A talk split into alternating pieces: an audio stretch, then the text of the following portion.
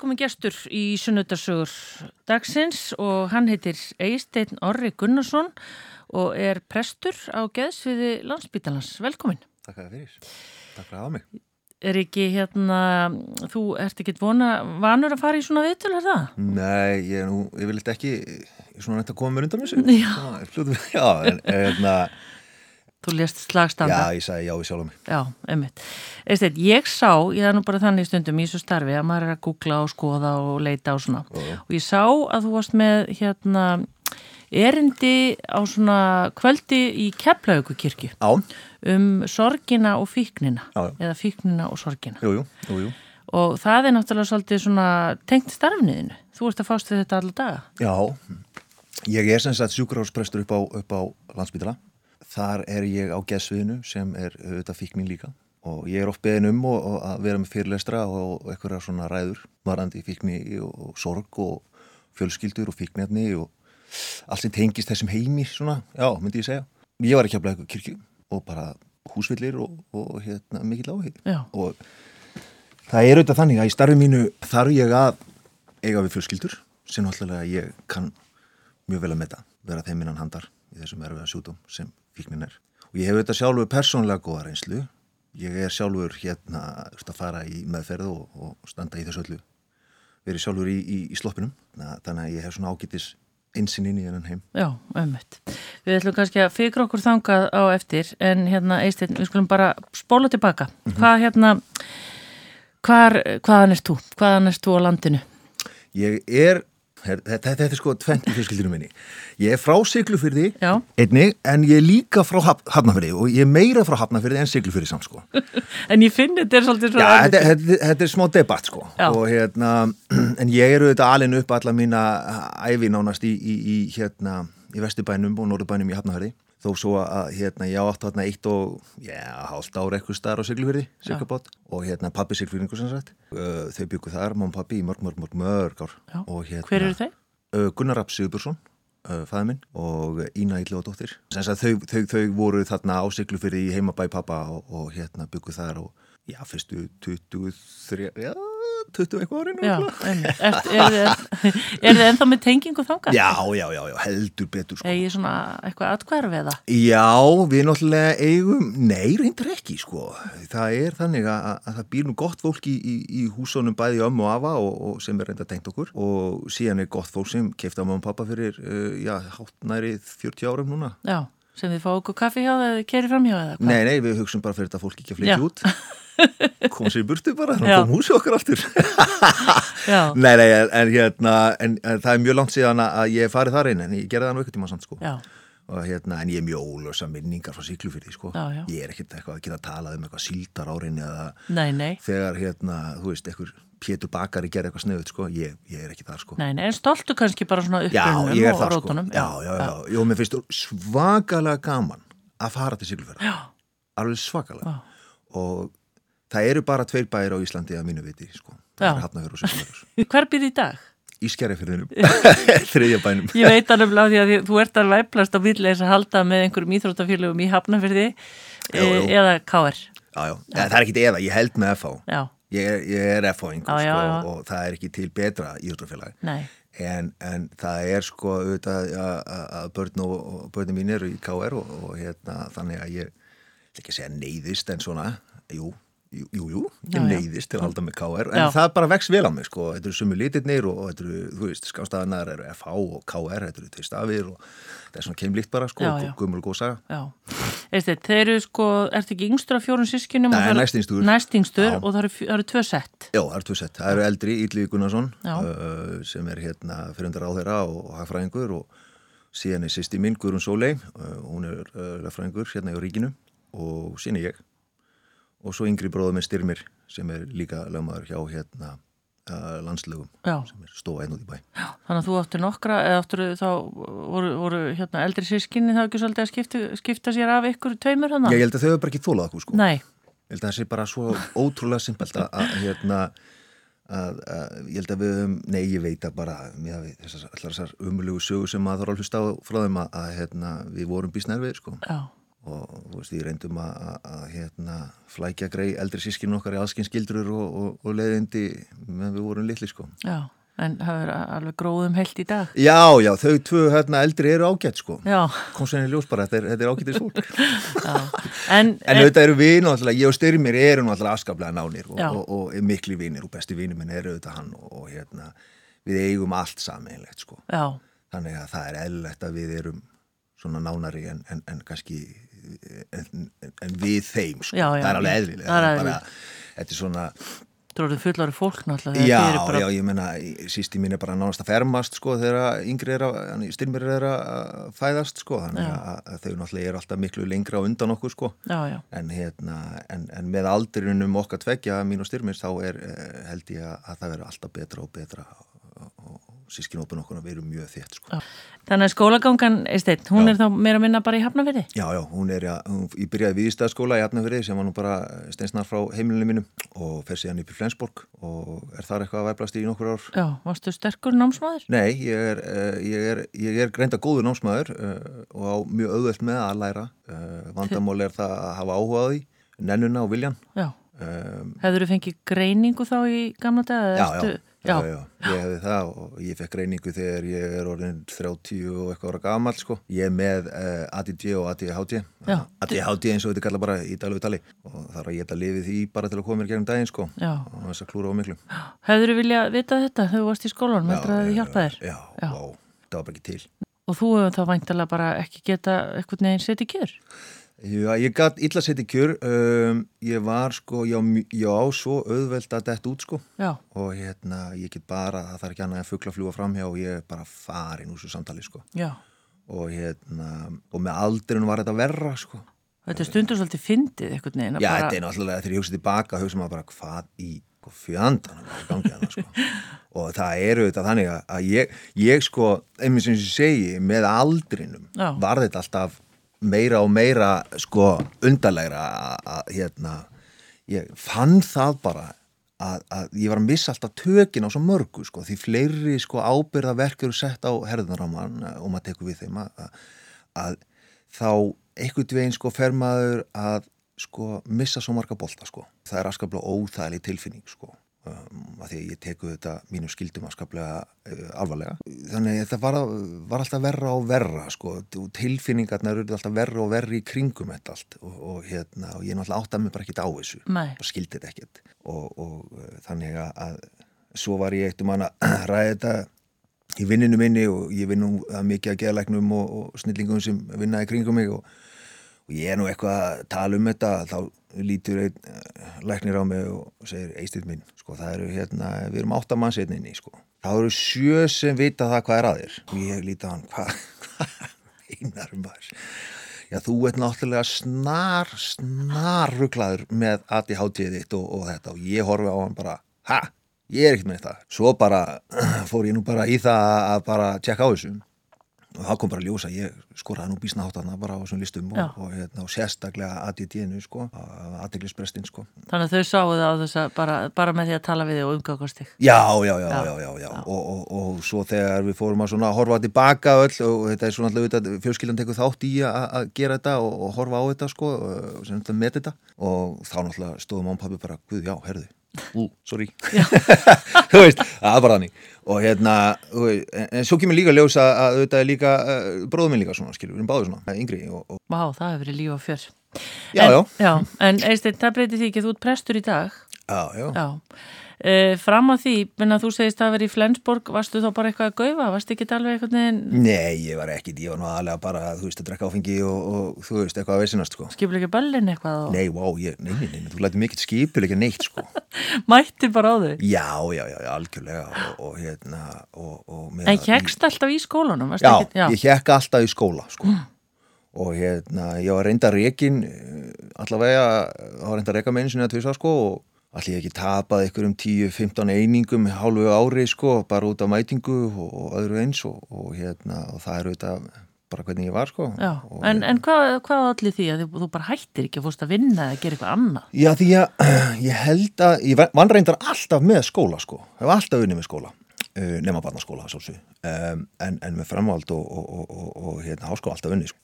Okkur ég svona ílengdist, ég, ég held það að ég hef alveg átt að því ég hef bara þurft að læra sko, Já. hvað sem það var sko, að, ég varð, ég vissi ekki hvað ég ætlaði að gera, skilju, ekki hugmyndið um þetta um, þú veist og, og uh, en ég áttaði mig á því að, að og ég get ekkert í höndunum sko Nei. ekki láta mig fá hamar sko þú veist, það er eitthvað ruggla að fara að gerast og ég tek allt og stórar ákvarðanir og þú veist, ég byggi skúrin en þú veist, Hann legur. e, lekur hann já, já, hann lekur, það vantar bara norðurliðina sko. Það er bara hérna sko. Og um, þannig að, að, að ég, þú veist, og ég vissi það að ég var ekkert að fara í innám sko.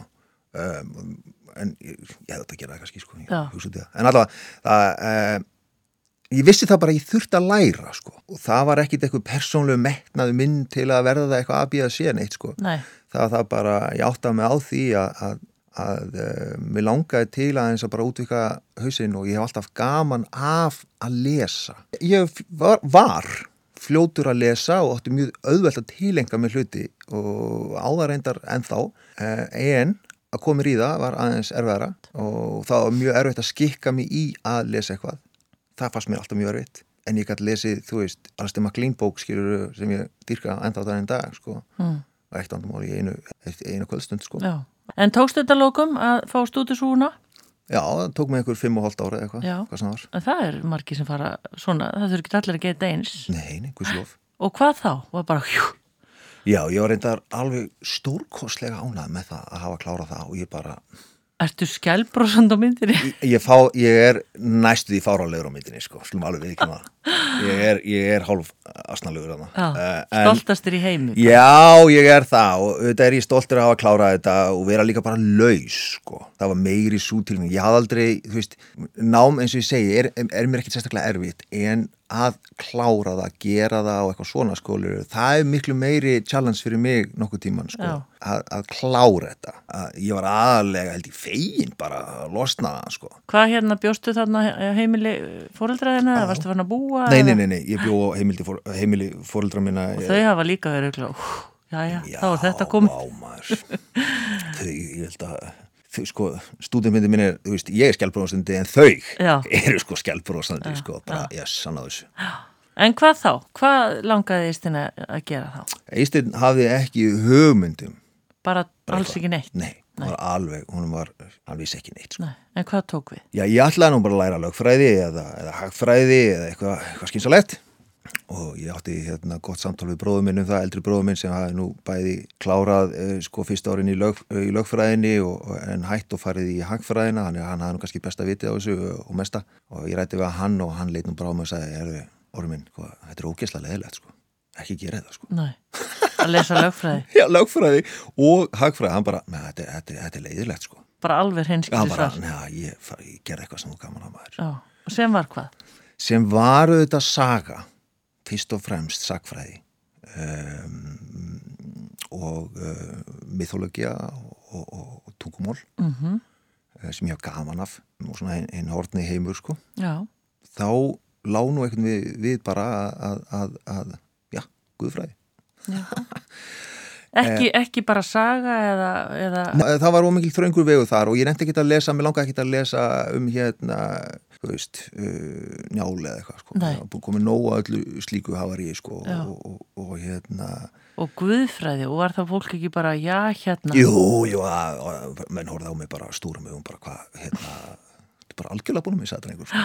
og er þetta bara, er þetta bara sagt, skömmu eftir stúdisprófið eða tókst eitthvað hlið? Nei, ég tók ekki hlið. Nei, Ég sá að það var líka galið sko og þannig að ég fór bara að vinna og tók ykkur stúdenslán og, og bara liði ákveðlega. og svo beint í guðfræðina Já, Já, og hvernig byrjaði það? Hvernig, hérna bara stórkostlega vel og, og, en, en, en hérna, já, já, það byrjaði bara ákveðlega og, og, og hérna byrjaði krafti eins og alltaf svo svona aðeins, dampast það niður bara eins og gengur að gerist alltaf hjá mér sko. En aldrei einhvern veginn í þeirri trú að þú ætlar að vera prestur Nei, nei, nei, nei, ég ætla aldrei að vera prestur, ég ætla bara að læra þetta. Já, það var gaman að þessu og, hérna, og ég var nú reyndur alltaf á leiðin í eitthvað annað sko. Svona þegar ég myndi sko fatta sjálf mig eða, eða finna sjálf mig eitthvað um, hvað mér langaði raunverulega að gera sko.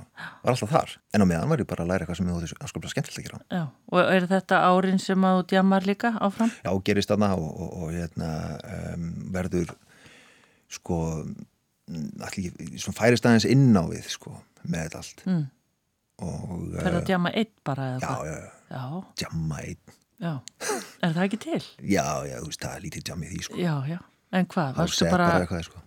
sastu bara einn og... já, mér finnst það alltaf besta sko. mér finnst rosalega fínt að vera eitt sko. Já, varstu að drekka eða? já, já, já, drakka alveg helling Og hvernig kannstu lesið og drukkið?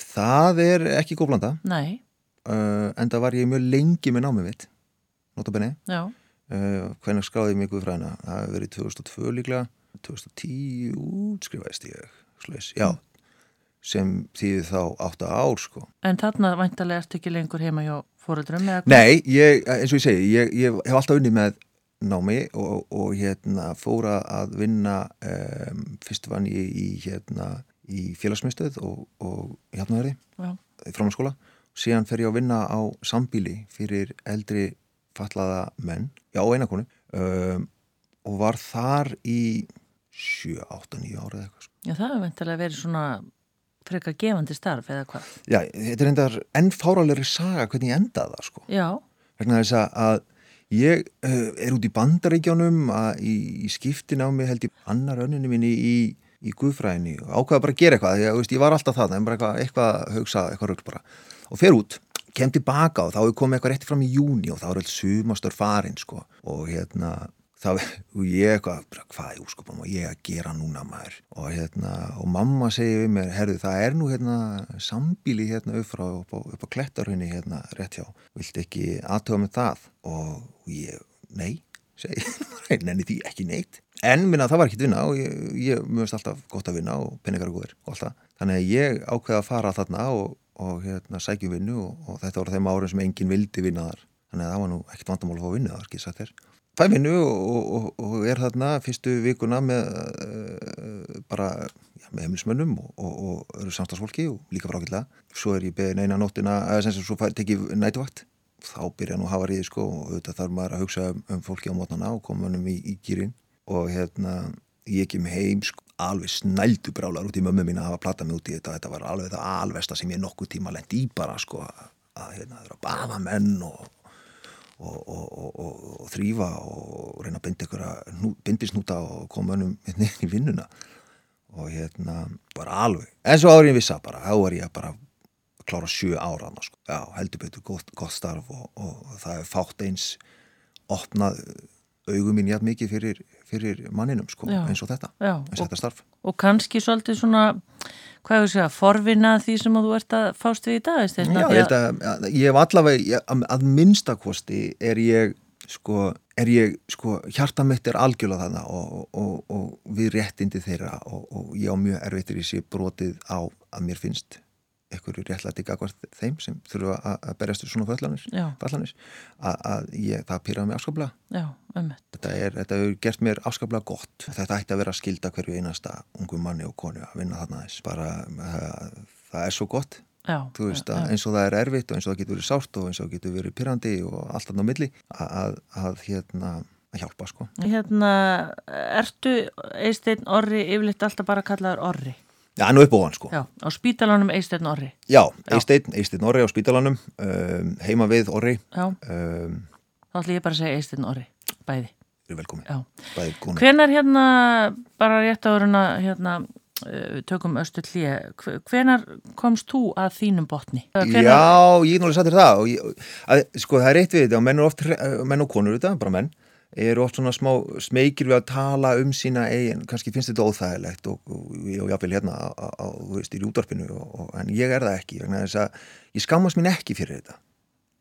Það er nummer 1, 2 og 3 í þessu öllu er ekki skammast sín fyrir þetta. Við viðurkenna hvað þetta er og, og, það má alveg tala um botnin og það má alveg tala um hvað þetta, hvað þetta gerir manni. Um, hvenar ég áttaði mig er dagurinn þegar ég var að leita á bílíklunum mínum ég var fullur og ég var með strákið minn við hliðin á mér Já. var dagurinn sem ég áttaði með og ég fann ekki líkilinn það var dagurinn sem ég ákvaða bara, nei, Já, nú er ég byrjaður að, að hérna að uh, leggja líf svona mín sem hættu já, ömmett. þá sagði ég, ég nei Hvað eru mörg ár síðan? hvað árið núna?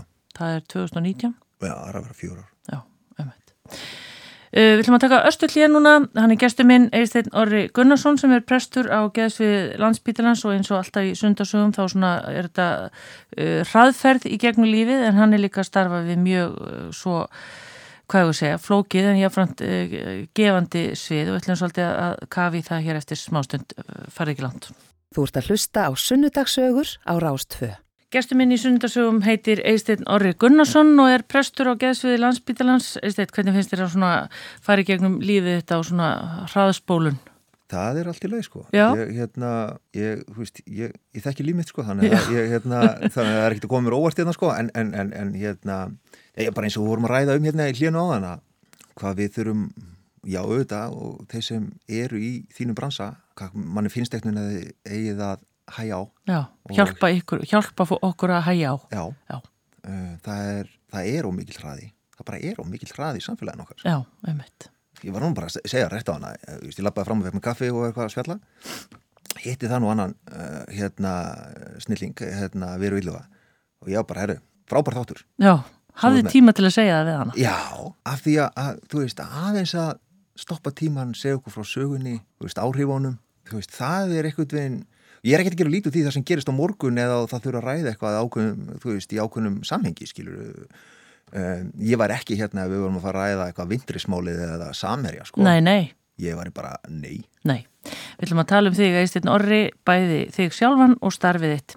Við vorum komin að því, þú þraugast, hvað ég var að segja, í gegnum Guðfræðina, gaman að náminu, tókst þér þinn tíma, en það varstu bara svona svolítið að lifa lífinu á meðan, já. en það breyti því ekki og þú útskrifast sem Guðfræðingur. og jú, Já, gerði uh, og, og hvað, einhvern veginn hugsa, ert ekki ennþá farin að hugsa þá, ætti ég kannski bara að verða prestur?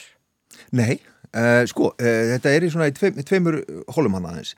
Um, í BA-náminu mínum, þá hérna var ég nú alltaf leiðin eitthvað inn í burtu, sko, en, en næ nú eitthvað hlut vegna þessari gráðu hana og þá eitthvað, já, já, nú er komin tími til að, hérna, hætta þessu rugli og hérna, og fara eitthvað annað. Já, hérna er ég allavega, en það er náttúrulega, eins og við segjum hér, uh, vegir drottins eru órannsakalegir og hérna, þá bara gerist lífið. Hvað gerist? Uh, margt og mikið. Fyrirhundi kona mín verður sem sagt veik og við erum upp á spítala lengi og, og, og það var afskaplega erfið tími bara í lífu okkar. Um, Egið þið svon já, saman? við hefum svon saman, Ísleif Gunnar og það átti mikinn part í því ákvör ég ákvað að verða prestur en þá var alltaf þá sjúkrásprestur. Um, ég hef aldrei eða mjög litla köllun í það að vinna í, í söfnið eins og staðan er í dag en ég fann það bara hversu, hversu auðmur ég sjálfur var og, og, og, og þá var kona mín og það var, þú veist, það var svo erfitt eitthvað veginn að, að bara orða tilfinninguna sínar, það var erfitt að vera til og var erfitt að sjá konuna sína svona veika, það var, uh, þetta var alltaf erfitt sko, þá bara verður þetta útskýrt þetta en, en, en þá bara eitt Ég býst allt við inn í mér sko.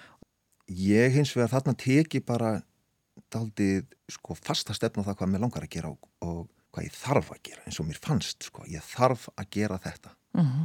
Um, og ég hef alltaf reynd að útskýrta sem ég, ég ákvaði þetta ekki sko. Heldur þú að fengi bara köllun? Alveg 110% sko. Já, Og trú mín styrtist mikið og hún var bara mjög góð fyrir og, og mjög þétt. Með upp og niður náttúrulega eins og á að gera. en, en þarna fann ég virkilega hvað ég vildi gera, hvað ég þurfti að gera hvað ég átti að gera það var auðvitað hæg heimatök að, að, að finna út úr þessu öllu var það að, að föðubróð minn eh, Kjartan Örn eh, var sjúkrásprestur hann að ég snýrum hún bara þangað og snýrum mér þangað og, og talaði við hann um þetta og, og hann sagði að þetta væri afskaplega góð ákvörun en ég skildi hugsana tvisvar og hérna en það, hér ertu í dag? Já. En hva, hvað þarf maður að gera til þess að verða sjúkrásprestur? um, þá þegar ég er að standa í þessu þá um, þurfturu semst að taka guðfræðinámið hérna heima klára kandidatinn um, sem held ég heiti Mag Þeól í dag svo uh, þarf það að fara í sérnám í sálgæslu fræðum uh, í hérna sem heiti CPE eða Clinical Pastoral Education sem er kent erlendis og er eins ás nám uh, þar vinnur á, á hérna spítulum eða stofnunum Og þú fórst í bandaríkina? Já, já, enda eru þeir uh, þetta er nú þaðan sko Já, og, og hérna varstu, va- va- skrifaði mig það ekki, varstu, varstu á svona hersjúkrahús eða? já, það er sem sagt fyrir uppgjáða já. vetrans, og var þar nýri á Manhattan og nýri í Brooklyn Mm. Uppgjafa herman er það menn sem hafa... Sem bara eru uh, sem sagt, hættir í þjónustu. Já. Og, og, og hafa sagt lokið uh, herskildu sinni. Já. Eða, og eru þá slasaðir og alls konar... Já, já. Þetta er bara, þeir, í bandarækjumina þar að, þeir hafa sitt eigi kerfi, sko, sem sagt, þeir sem hafa verið skráður í, í herin. Og, og það er ráð þeirra, það er, það er sko Secretary of, of Veterans Affairs úti. Uh, Þeir hafa, þetta er risastórt kerfi í kringum þá sem hafa verið í hernum og hérna þannig að þeir hafa sitt eigi svona með tilsvíkjastlur og, og þeir hafa sinni eigin, eigin sjúkrahús sko Já. og hérna sem kostar mjög lítið fyrir þá. Og þar hefur þú kannski geta hugsað þér að halda áfram að vinna þanga til að þú sást starfa á landsbytarnum möglist eða hvað?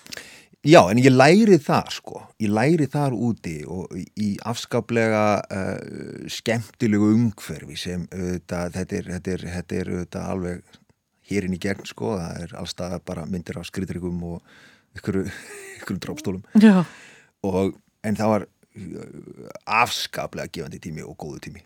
Varstu þá einn eða? Eða, fyrir að þið var með mér, fyrir að kona mín og, og sonur. Já, já. og hann var þá eins og hálsás líklega þegar hann kemur út bara Já. lítið guttin Þannig að þetta hefur verið svona gefandi og gott að Já, þetta- skiptum umhverfi. Já, það, það, allir er að gera það Mm. hver einasti, einasti maður á að- fara út úr, út úr sko, þessum, þessum uh, þægindar ringa ramma sem menn hafa komið sér upp sko. En hefur þú getað semst haldið áfram að starfa hann úti eða hvernig? Já, ég ætla reyndar ekki að starfa þar úti sko. En, en, en við síðan förum til Boulder í Colorado þar sem kona minn fyrirvændi fer í, í, hérna, í, uh, í listanám og þar er ég geng vaktir á, á litlum svona spítala þar fyrir eitthvað tveist að þrýsari viku bara til að halda mig við og, og með eitthvað fyrirlestra þarna og eitthvað svona.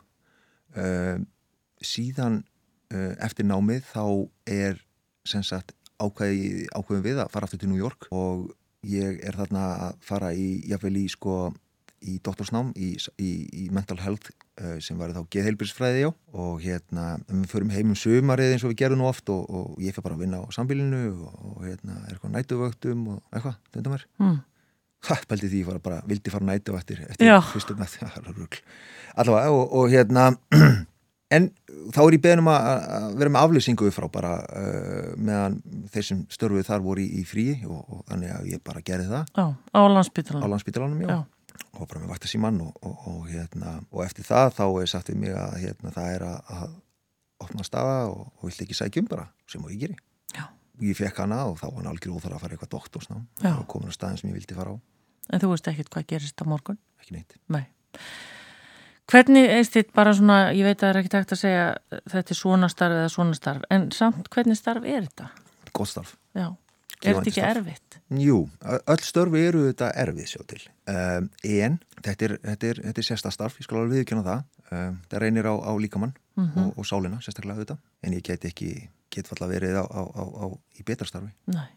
Hvernig, hvernig er þetta svona, hvað ég var að segja, hugsað eins og á landsbítalanum? Er þú bara, þú ert á vakt til dæmis og uh, það er döðsfall eða það eru alvarleg, hérna, alvarlega aðstæður og það þarf að tala við fjölskylduna. Uh, er þetta allt skipulagt? Þarf þú sjálfur að vera að fylgjast með því hver staðan er á fólkinu? Hvernig er þetta Já, ekki gert? ég gerir það, maður uh, til dæmis eða þú ert á vaktinni Já, þú farið síntal og, og, og það er eitthvað, eitthvað, eitthvað skelvið gerst og þú kallar niður á til dæmis bráðeldi eða upp á gjörgjæslu og þá tekur þú sem sagt við fólkinu aðstandend og hjálpa þeim að vera í þessum aðstæðum sem þau eru í þannig að já, já, þú, þú hefur auga með, með fólkinu og, og, og hvað er um að vera og hvað mun gerast. Og þú ert þá bæði sagt með e, fylgjast með sagt sjúklingnum að, hver framvenda þess er. Uh, og þú ert svona tengiliður fjölskyldunar oft við sagt lækna á hjúkurna fólk um, og svona hefur hvað að segja, svona hjálpa þeim að vera í þessum aðstæðum sem eru mjög krefandi já, og sérstaklega ekki fyrir eins og, og, og, maður vill. nei, einmitt. En, en hvað gerur þú svo þegar þú kemur heimtíðin á kvöldin eða, Um, jú, það kemur reynda fyrir og, og, og að ég sé mjög og kannski styrður í skapi sko. já, en ég meina það. en að aftengja sig, notar einhverju sérstakar aðferðir eða Já, ég, ég, ég, ég hérna, ég keirið aldrei. Já, Uh, ég tek oft ekki beinustu leið heim. nei, ég kem oft við í bíkó eða, eða, eða sko, húsmiðni eða eitthvað af þessu og labba ekki um garðheima og, og, og svona reyna eitthvað sko. en, en það er algjör mýta að maður geti það sko. Hún er því ekkert sko það er sama hvað, hvað þú veitir sko hérna, það að aðskilja alveg vinnu og, og heimili ég held að það sé bara Mm. hægt En þú verður samt að gera það. Já, í, í sjálfum sér væri það albesta sem maður getur gert sko, en, en þú nærði aldrei fullkomlega. Nei. Þú bara nærði ekki all, all, algjörlega sko. Það er alltaf, það er eitthvað sem þú veist, sem eitthvað er, sem þú nærði ekki teknið inn að bara, hm, að því að, þú veist, með fullur virðingu fyrir öllum störfum, þá er það þó þannig að, að þeir eru út að eiga við fólk sem þú veist að líður vítiskvalir. Það er mjög erfitt eitthvað með eina að gleyma því sko. Já, já. Þau segja bara við sjálfan sig, jæja, já, það er, Mm. það er hart sko. Já. Ég held að það sé mjög vonlust sko. Þú uh, átt konu í dag. Já, sagt- Marju Sif. Já, og hún er, og þið er saman, það er alveg bara he- hellingur og fullt af bönnum og mikið og hundur og ég veit ekki hvað. Já, ekki heimili. kettinum, já, við, kett, við rekum, já, við, við rekum, við saman, við rekum alveg hérna stórkostlegt heimili og skemmtilegt. Uh, Marja Sif er, er hérna uh, sjúkraliði upp á, á getildunum, á mótöku getild þar og þar kynust við. En uh, já, já, uh, ég er sem sagt stjúpfæðir fjóra barna og, og fæðir hunds Mhm, og kattar, já, og, frosta á jökuls. og svo áttu strák, þannig að þetta eru- fimm sagt. Já, fjögur heima og, og hérna, svo elsta Alessandra er, er, er, er orðin 20 og játtakjar og gömul og hún er bara að gera sitt í lífinu og stendur sér alltaf frábærlega. Já, ummitt. Og svo er þetta með, sagður mér, þetta með stóran garð og nýtur þessa, Já, e, það er nú eitt af því sem, sem, sem hjálpa mér á, á allavega sumri til um, að fara út og aðeins að, að hérna, velta fyrir mér hvað þarf að gera þar og eitthvað, vissinast í þessu, eitthvað þykjast að vera eitthvað, tala um blóm og eitthvað. Um, ég er, ég er vonlaus garrækjumæður. En mér langar rosalega að vera geggjað garrækjumæður. en þið veist það gaman. Það er ógæslega skemmtilegt. Já, Ég elska garrækjum, sko. hamast eitthvað í þessu og, Já, hugsa um meira, meira hugsa um Já. hvað ég ætla að fara að hamast í hann já, Þa, það er miklu meina, já, ég þarf að eitthvað, svona pæla í því og, og eitthvað, svo sjá það klúraðast og eitthvað, og eitthvað, ég, þarf að ráða mann í þetta og en er ekkit, en ekkit svona yfirþyrmandi. Jú, jú, hann er 100% yfirþyrmandi þessi garður, hann er alveg 110% yfirþyrmandi, sko, ég veit ekkert hvað er hann, sko, er alls konar blöndur og hínur í, sko. Já. og hérna, sérstök tré og, og hérna, þetta er náttúrulega bara eitthvað sem ég erði frá, uh, hérna, þeim sem ég kefti af og, og hún var mikil garðurki kona Já. og hérna, ég á henni mikið að þakka í þessum garði og allt. og það er gróðurús og það eru rósirna mínar sem ég reyndar um, þykir mjög væntum, mér erst gaman af rósunum mínum og, og ræktinni þar. Já, og hérna en, enn og aftur að, hérna, ég vildi geta gert það betur og, og kunna þetta meira og, og, legg of lítið á mig til að gera það. Mm. um, en það er eitthvað sem bara ég finn tíma í þegar ég finn tíma í það. Já, og þú ert náttúrulega bara á annar að taka þinn tíma í það sem þú þarfst að gera. Já, já, já, já, þetta verður orðið fínt eftir eitthvað 20-30 ár sko. Já. Eirsteinn, mér langar að eyða hérna, eða já, verja síðustu mínútonum í viðtalinu uh, með hérna fíknina og Já. sjúkdómana og allt Já. sem tengist í og allar þessar fjölskyldur og Mm. uh, manni finnst einhvern veginn að umræðan hafi aldrei verið háværari eða vakið meiri aðtikli en samt eru samt eru við einhvern veginn ekki að ná utanum þetta. Nei, við náum ekki til um Nei, ekki neitt nei. Það er Hvað algjörlega hérna? stjórnlust Já, uh, ég veit að það er ekki heldur eftir að spyrja þig hvað getum við gert betur? En við erum þó Reyndar allavega samt. búin að opna, opna umræðina. Já, ég sko sko stríði gegn eitulífjum er tapað sko. Já. það bara er þannig sko. Sama hversu við viljum afneita því það er bara, þetta er bara það er galið sko, við sjáum alveg hvað þetta er sko. Þarf auðvitað bara að opna augum fyrir því að þetta er tapað. Hvernig skadamingu þetta er náttúrulega það stóra sem við eigum að hugsa og það er eitthvað sem er nýtt í umræðinu er skadamingun sem ég er persónlega mjög hrifin af sko Mm. Sem þýðir hvað? sem þýðir það auðvitað að, að, að hérna við við sko að fullu gerum okkur grein fyrir því það sem er nú orðið sko í, í rauninni Mm. við munum ekki ná að sko útrýma sko eitulífum eða innflutningi en neinu, þetta er ekki að fara að gerast Nei. og það verða alltaf til fíklar. Mm það verða alltaf til þú veist, einhverju sem sækja í þetta. Það verða, þú veist, þetta er þannig sjútumur sko.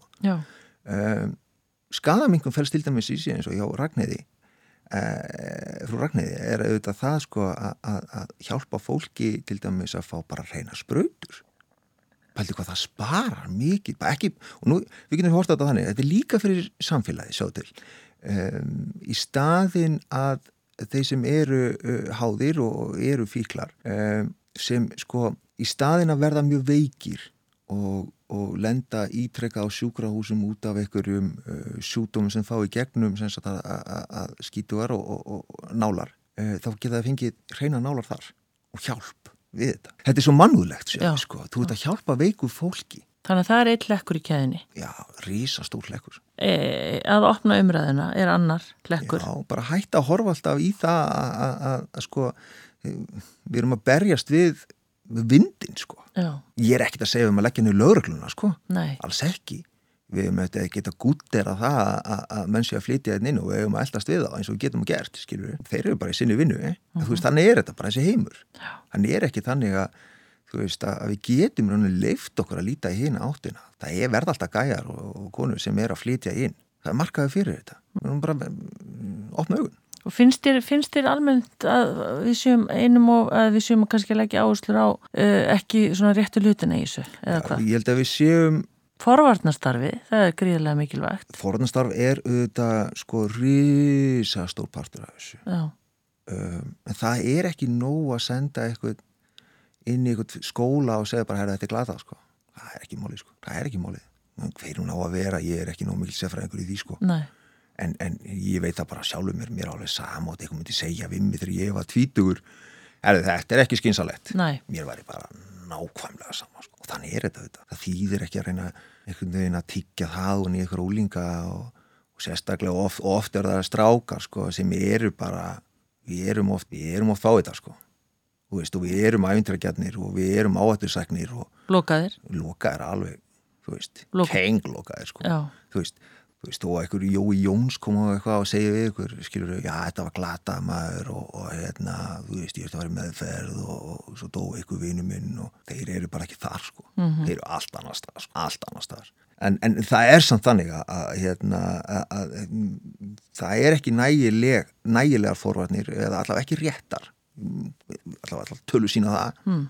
þannig að það er eitthvað að um, sko það er auðvöld að flytja inn til landsins. Það er aldrei verið jafn mikið að eitthilum á Íslandi. Uh, það er uh, sko deytirnar smakkfullar veist, af ungum fíklum af þeir sem eru orðinni svo háðir að það er alveg ótrúlegt sko. Mm -hmm. og ung fólk, tala um bara 14-15 ára krakka sem eru og yngri sem er bara að byrja að nota nálina sko Mm -hmm. í gamla dag var þetta þó þannig að þú byrjaðar að, þú veist fara að fara í skalla og drekka áfengi og eitthvað svona Já.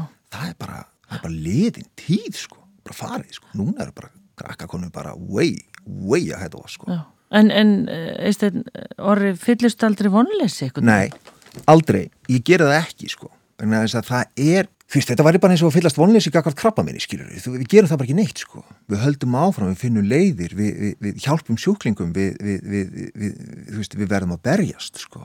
Mm -hmm. Við leiðum þess að geta eitthvað að vaða bara upp eins og eitthvað, hvað sem er, sko. Mm. En hvað heldur þú, ef við bara svona aðeins vangaveltur með það, af hverju líður svona stórum hópi fólks og sérstaklega ungu fólki illa? Ég held að það sé hraðin. Já. Ég held að það sé að samfélag er allt og rætt. Ná, við getum þetta, það er allt og miklar allt, allt og mikla kröfur um fólk í dag, fara ekki að vera krakki í frið alltaf konar eitthvað kröfur á því bara á þú veist af. Og það var sérstaklega unga kallmenn sko.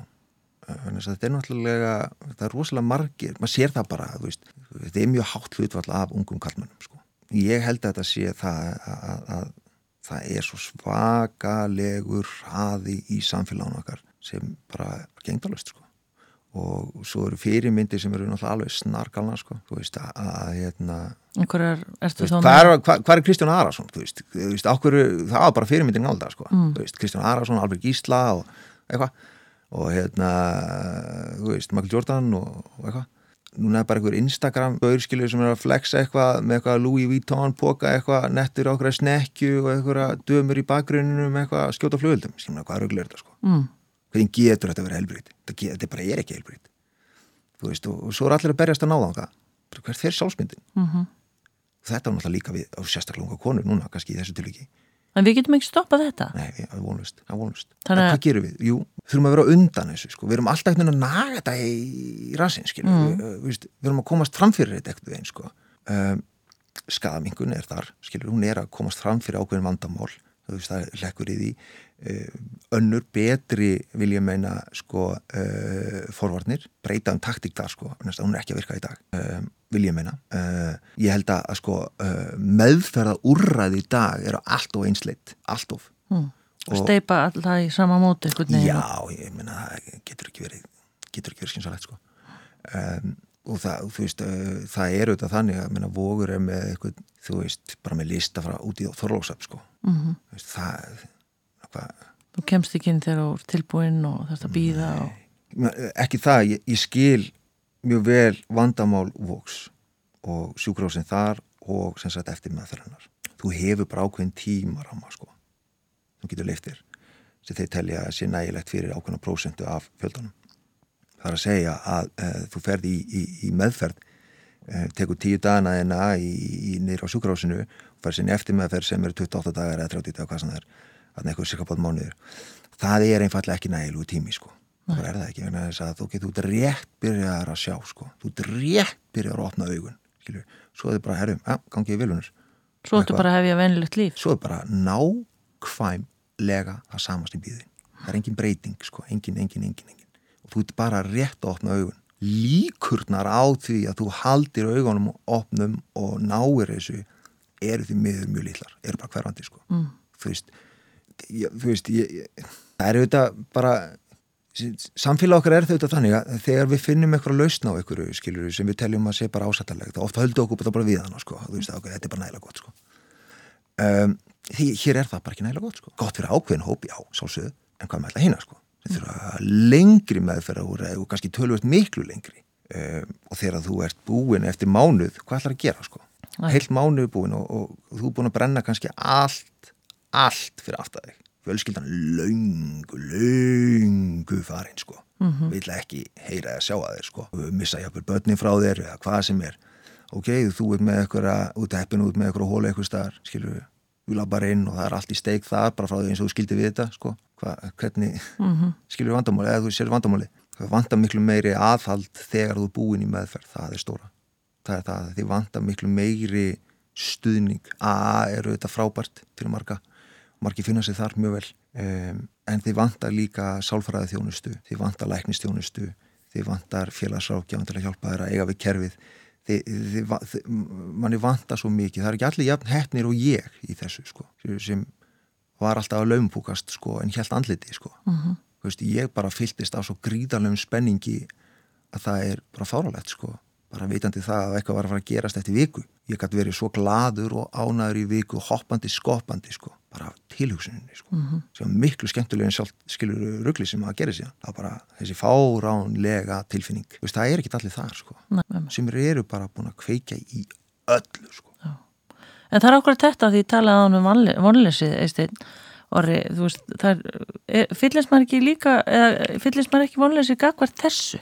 Af hverju, af hverju Já, sko, ég get alveg sagt þér það að ég til dæmis og, og kollegi minn, uh, hún Díana Ósk, uh, við erum að sko reyna að búa til prógram og ætlum að, ætlum að, að bera það fram fyrir uh, hérna einn daginn í kirkjuna að, að þeir taki þátt í þessu og, og svona eftir program já, já.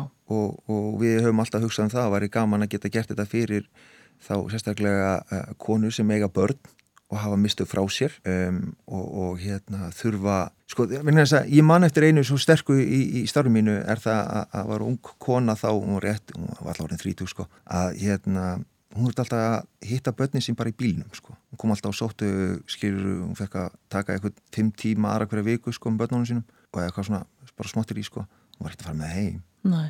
fór ekki með því þess að lilla hólu þá bara tekið til í bílnum mjög vel og kerti eitthvað upp í heiðmörk að lappa samótt að var í janúar allt ískalt og fór ekki með heim ekki sens Nei. var ekki staðið fyrir börn. Það eru þetta þú veist, hvernig tengistu börnarleginum aftur? Já, um veist, þið vantar hjálpina sko. þið vantar, þú ert ekkert búin að vera eitthvað í einhverju meðferð skilur og þú veist rétt byrjuð að sjá aftur og langar svo mikið til að eignast fallet líf og gott líf að, að við getum að, að, þú veist eitthvað og, og kerfið er ekki það sko. Við erum ekki að hjálpa þessu fólki. Og svo við tölum um þennan hóp sem eru mæður sem hafa mist börni frá sér. Hugsaði það bara og þú finnur þetta ekki vera að takast og það er alltaf gegn þér einhvern veginn og þetta er aldrei að virka. Finnst ekkert börnin að tengjast þig meira og, og, og, veginn, og þú skammast inn fyrir það sem þú býrðu og hvernig þú lítur út og allt þetta. Sjálfsmyndin engin null Hvernig átt að ná bata sko. þú veist, þú ert að fara það er mjög mikla líkur á því allavega að þú bara, á ok þetta er bara, ég er búin að klúra þessu. Mm -hmm. ég tala eins bara, haldið áfram og bara dá ég þessu sko. Þú veist, þau mun aldrei sjá mig sem ömmu Nei. Paldi syndina sko. En þess að ég þekki ekkert fólk ekki neitt sem er jafn gott. Það er eins og fíkil í bata. Engan, þetta er besta fólk sem þú getur séð. Ástæðan fyrir því er það þegar ljósið það er hægt að vera þessi þoka fyrir augunum þú getur ekki hugsað þér aðri gangi í gegnum sama myrkur og þú sjálfur Nei. og ver, þetta verður svo stert inn í þeim, þetta er svo stert ljós veist, og það er svo fallet og, það, og við eigum að ná þessu ljósi sko. Eisteinn, Orri Gunnarsson ég ætla að enda á þessum orðum af því að það, í þeim fælst svo mikið lón mm. er það ekki? Jú, það er það en við þurfum að, við þurfum að stíka á bensinni sko. Við þurfum að gera þetta sko. þetta er ekki bara fyrir þá sem er að berjast þetta er líka fyrir börnin þeirra þetta er fyrir fjölskylduna þeirra veist, þetta, er, þetta er samfélagið okkar við búum smá eigu smottir í segja, koma sko. mm. við getum gert þetta samfélag svo frábært sko. veist, þetta, þetta er líka veist, samfélag okkar er frábært líka, má ekki glemja því við eigum svo fallega hluti og, og hérna en, en, en við getum gert betur já, við getum það og við eigum ekki að hætta að reyna það þannig verður þetta gott sko við skulum ekki bara sætt okkur við eitthvað semi, það er svo glata sko Já. ekki vera semifólk Nei. Takk fyrir komina, Eisteinn Orri Gunnarsson Takk fyrir að hafa mig og hérna bara takk fyrir þáttinn og, og, og, og gangið vilja í öllu sem þú gerir Sömmulegis Takk, takk, takk. Hún er komin til mín, hún Hildur Loftsdóttir sem að, já, hún er, það er að kalla hana réttöfund núna því að hún var að senda frá sér bók sem heitir Eyði Eyjan, Urr, Öskur, Fótur og Fitt en annars hefur hún starfað við svo ímislegt og það er einmitt það sem við ætlum að, að ræða í viðtalinu. Velkomin Hildur. Takk fyrir það. Hvernig er nú að vera að kalla réttöfundur þegar maður sendir svona frá sér fyrstu bókina? Það er bara, það er mjög gaman. Já og bara leið og, og hérna sögur búin að segjast alltaf að gefa út þessa bók þá sagði ég ekkert annað en að heimilinu bara stelpur, mamma ykkar er rithöfundur. Það voru orðna mjög þreytar á mér. Já. en já, það er bara mjög gaman að því að mér er búin að dreyma um þetta lengi. Já, en líka er oft talað um að þeir sem gefa út sína fyrstu bók eða fyrstu plötu eða eitthvað svona fyrsta það sé rosa svona kvíði, þetta er svona meðgangan og svo hvað segir fólk og ég bara gjur þið svo vel og einhvern veginn setja þetta frá sér og svo bara getur ekkit meira gert. Já, sko það er í rauninni eiginlega ekki þannig. Út af því að, sko, hefði ég gefið út þessu bók fyrir svona 20 árum, þá hefði það verið þannig. En einhvern veginn er maður komin á þann stað í lífin í dag að ég tek mig bara ekkert það alvarlega. Þetta skiptir ekkert rosalega miklu máli. Nei. En þú veist, þetta er álag, sko, uh, bara svona, þetta er bara skemmtilegt. Skemmtilegt álag. Já, það er svo rosalega margt að gerast og ég er að kynnast alveg nýjum heimi og ég elska að kynnast nýjum heimi og nýju fólki og, og bara allt. Og þetta finnst mér leiðilegt ef ég fengi einhverja lélega dóma, ég, þú veist. En hinga til, þá er ég allavega búin að fá mjög goða viðtökur, búin að fara í fullt af skólum og þau bara sitja og gapa og þeia og spörja og spörja og spörja en svo finnst mér líka meint um það sko kennarar og bókmenta, nei, bókasapsfræðingarnir þeir eru mjög jákvæður út til þessu bóku og finnst hún flott sko. Já, og þú byrður ekki meira? Nei, algjörlega ekki, þú veist þetta er náttúrulega að skrifa fyrir börninu og ef þeim finnst hún skemmtileg þá er bara tilgangun ná Já, heldur, hva, hvaðan kemur þú? Hvaðan ert þú? Já, þetta er mjög góð spurning að því ég er búin að vera að pæla svolítið í þessu undanfarið. að ég var samt á Akureyri, mínum uppeldisbæ fyrir tveimu vikum síðan. Já, heyri ég aðeins norrlenskan framtöð? Já, já, mér finnst það bara flott að hvefa fasta orði. Já. Og hérna, þá ákvað ég, sem sagt, ég er búin að vera pælið í hvað ég er, ákvað að segja ég sé frá Akureyri. Já. Ekki að ég sé Akureyringur, heldur frá Akureyri. Því pappi er strandamæður, mamma er ættu á Snæfellsnes en alun upp í Reykjavík. Ég er fætt í Svíþjóð og þegar við flytjum til Akureyra sko, þegar ég er fjagrara, ég býð þar fjagra til 20 ára, þá eigum við engin skildi, skildmenni í þeim bæ, skiluru. Svo fyrir til Fraklands í 5 ár og svo verið í Reykjavík í 15 ár, svo er ég í Bandaríkjunum í 9 ár og svo er ég aftur komið til Reykjavíkur. En já, Akureyri eru uppeldisbæri minn, þannig ég er frá Akureyri, Já. myndi ég segja. Fætt í Svíþjóð, voru fóreldraðinir að læra þar eða hvað? Já, mamma er sem sagt uh, batna hjúkrunafræðingur og pappi er auglæknir, en sem sagt pappi var að hérna læra auglækningar og svo vann hann í nokkur ár þar á eftir, sko. Já, hvað heitu þau? Mamma heitir Hlín Gunnarsdóttir og pappi minn heitir Loftur Magnússon og þau búa bæði á Akureyri. Mm þú heppin, geta Mhm. skroppið þangað, Já. en, en sískinni, hvað ertu í rauðinni? Um, sko, fyrst kemur Magga, Margaret Jóhanna og hún er fætt 61 og er auglæknir á Akureyri. Svo kemur Magnús Steinn, bróður minn, hann er 60, fættur 61 og hann er söngvari í Svíþjóð. Og svo kem ég nummið 368 og svo heiður Marja, eða Marja sýstir, hún er sem sagt uh, býr í Hafnafyrði. Já, ömmit. Söngurinn hefur greinlega, því ég veit að þú líka hérna sungið Mhm. svolítið, við fáum að vita það eins og eftirhildur. En hvað hérna, þannig áttum góða minningar af hérna grunnskóla árunum á Akureyri og fórstu þá líka í MA eða?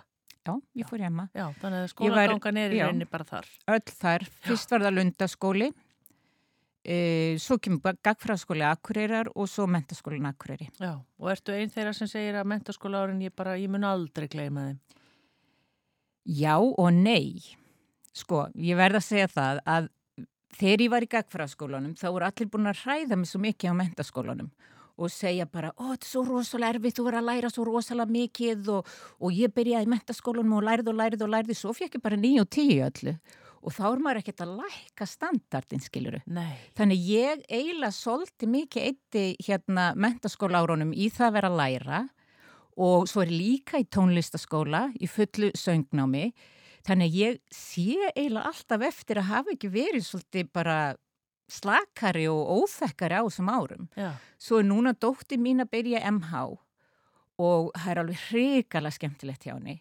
Þú veist, þú veist, hún er bara listastelpa í hljómsveit og það er bara alltaf að gerast og það er geðveikt stuð og ég er bara næst ég að segja henn að slaka á í námin og vera ekkert að taka þetta á þrem árum bara njóta þess að vera í þessum frábæra mentaskóla. já, ömmit. En varstu þá bara, myndur þú segja, varstu nörd eða hvað? Varstu bara alltaf inn að læra?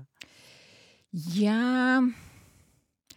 ég veit ekki, ég er náttúrulega alveg smá nörd en mér finnst bara rosalega gaman að læra. Og í mentaskóla ég var alveg bara í einhverjum eðlisfræðin tímum bara í alvöru, virkar þetta svona, þetta er geðveikt og allir bara, ó, þegiðu. En þú veist, og ég er típan sem, þú veist, ég er búin að fara í tvö bíja, ég er búin að, ég byrju á þremur Emma-prófum og hérna námi og bara, þú veist, ég er alltaf í skóla. Svo var ég hérna verkefnastjófur fyrir geð hjálp e, á klikkari menningu og það var ekkert smá mikill skóli, mér finnst það algjörlega trublað og svo núna er ég komin í þetta og það er annar skóli Já. og ég bara, og bara kynnast öllu þessu fólki og þessum nýju heimum, mér finnst það bara, þetta, ég elska þetta sko. Já, ömmit. En hvert stemdi hugurinn, Hildur, þegar þú útskrifaðist? Og mentaskólanum Já, til Fraklands. af hverju? Sko bæði var ég frönsku og ég er mjög mikið tungumála manneskja og ef ég er nörd þá er ég tungumála nörd sko. Eh, en hérna, ég var semst í frönsku og hann kendi með Tómas Ingi Olrich og hann bara sagði svo skemmtilega frá Fraklandsárunum, sínum þegar hann var. Hann var aðna þegar voru stúdent og óerðirnar og eitthvað í Fraklandi, í París og ég glifti við öllu sem hann sagði og svo fór ég hérna á Interrail tvísar bæði því ég var 18 og 19 ára og ég man ég satt einhvern veginn í lest einhvers þar í Fraklandi held ég 19 ára og hugsaði hinga kem ég og ég var komið ánga árið setna. Já, ömmit. Og varstu það góð í frönsku af því að manni finnst stundum Frakland vera algjörlega lokað og kannt ekki tungumálið? Já, nei. Gastu? Eða? Nei, nei. Ég bara var auðvitað búin að fá rosa góða einhvernir í frönsku og allt það. Svo kem ég aðna, ég man ég var að horfa einhverja franska bíómynd áður innu fór og ég skildi ekkit einasta orð. Svo kem ég aðna og fyrir að búa hjá einhverju franskri fjölskyldu. Þannig ég þurfti að taka strætó í skólan og ég skildi ekki hann í strætó, ég bara, ég skildi ekki eitt orð. Heyrðu, þá voru allir að tala arabísku, ég heyrði ekki sinni munin, þú veist. Þannig að ég, og þar perfektionistin sem ég er, sko, ég bara þagði næst í eitt ár, bara allt skólárið, svo bara í lokin þátt ég halda að vera skringur að rítgjör halda ræðu, þá var það bara næst í að fullkomri fransku. Ég var ekkert að segja neitt fyrir en það var bara algjörlega komið. Já, einmitt.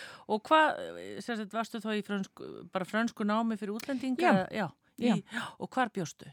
Eh, Bær sem heitir Aix-en-Provence og ég var tvö ár í fyrst svona hálfgerð svona undibúning franska og svo í háskólanum í fransku fyrir útlendinga og svo var ég hvað þrjú ár í kvikmyndafræði. Já. Já. Var, það einhver drömmur? Nei, ég haf bara mjög mikið áhuga á því sko. En þetta var allt svona hálfgerð hipsum haps eitthvað. Ég gerði bara einhvern veginn eitthvað. Já. En það var mjög gaman og, seinasta árið mitt sem sagt ég var hérna fimm ári í Fraklandi þannig í Aix-en-Provence en seinasta ári var ég sem sagt hálft ár fyrir önnina í að vinna í hérna kvikmyndaskóla í París og setni helmingin fór í skiptinám til Hull í Englandi af öllum stöðum í Já. listaskóla þar. Hvað, það er það ekki hérna, hvað ég var að segja, hérna, sjávarútvegsbær, ykkur, Jú, eða hvað? Hull og Grimsby, Já, myndi, það var alltaf í útvarpinu, allir fara, öll skipin að fara þangað. Já, En það var, já, var ekkert mjög skemmtilegu bær en allt í góðu. já. En hvað hérna hildur, þegar þessu lauk, fimm ára námi, snýrur þá til Íslands eða hvað? Já, þá kom ég hinga til Reykjavíkur, Og þess að hvað á ég nú að fara að gera? já, og langaði náttúrulega að vinna við eitthvað svona kvikmyndadótari, hafði unni við tvær kvikmyndir, fór að vinna hérna uh, á Plus-film, Já, já, Svenna. hjá Svenna. Já, já, já. Njá, en svo byrjaði ég í hérna megafilm hjá honu Magnúsi Guðmundsinni. Já, já. Og þar gerði ég eina heimildamind sem heiti Dragdrottningar á Íslandi. Já, já. Það var ótrúlega Hvaða skemmtilegt að ári er gera. þetta? Vist, þetta var, þú kemur heim frá Fraklandi og ferð að vinna við þetta. sko þetta er, ég mann það ekki eins og Nei. Ég kem frá Fraklandi 93, Mm. ég held ég hafi gert þessa mynd 95 eða eitthvað svo Já. og hún var sínt hérna Rúf. Þetta hefur aldrei þótt uh, af því að hérna, verandi nýbúin að sjá myndina hennar Hrafnildar Gunnarsdóttur í sjónvarpinu. Já. þá hefur þetta nú verið aldrei að sína þarna dragdrottningar. Já, það var ekki, fyrst átti ekki að gera það. Nei, Þetta þótti eitthvað aðeins too much sem það alls ekki var. Þetta bara fyndin og skemmtileg mynd sko. já. Og þau held allir, það verður allt vitlaust í blöðunum, maður er að vera að sína svona. Það var bara einhver eitt sem skrifaði að þetta var rosalega skemmtilegt og svo var þetta svona mynd sem, að, sem saumaklúpar höfðu tekið upp og horfið á í saumaklúpum. Þú veist bara, þú veist, geggjaði dragdrottningar. Þetta var bara, hugsaðir. En getur maður síðan í dagstað?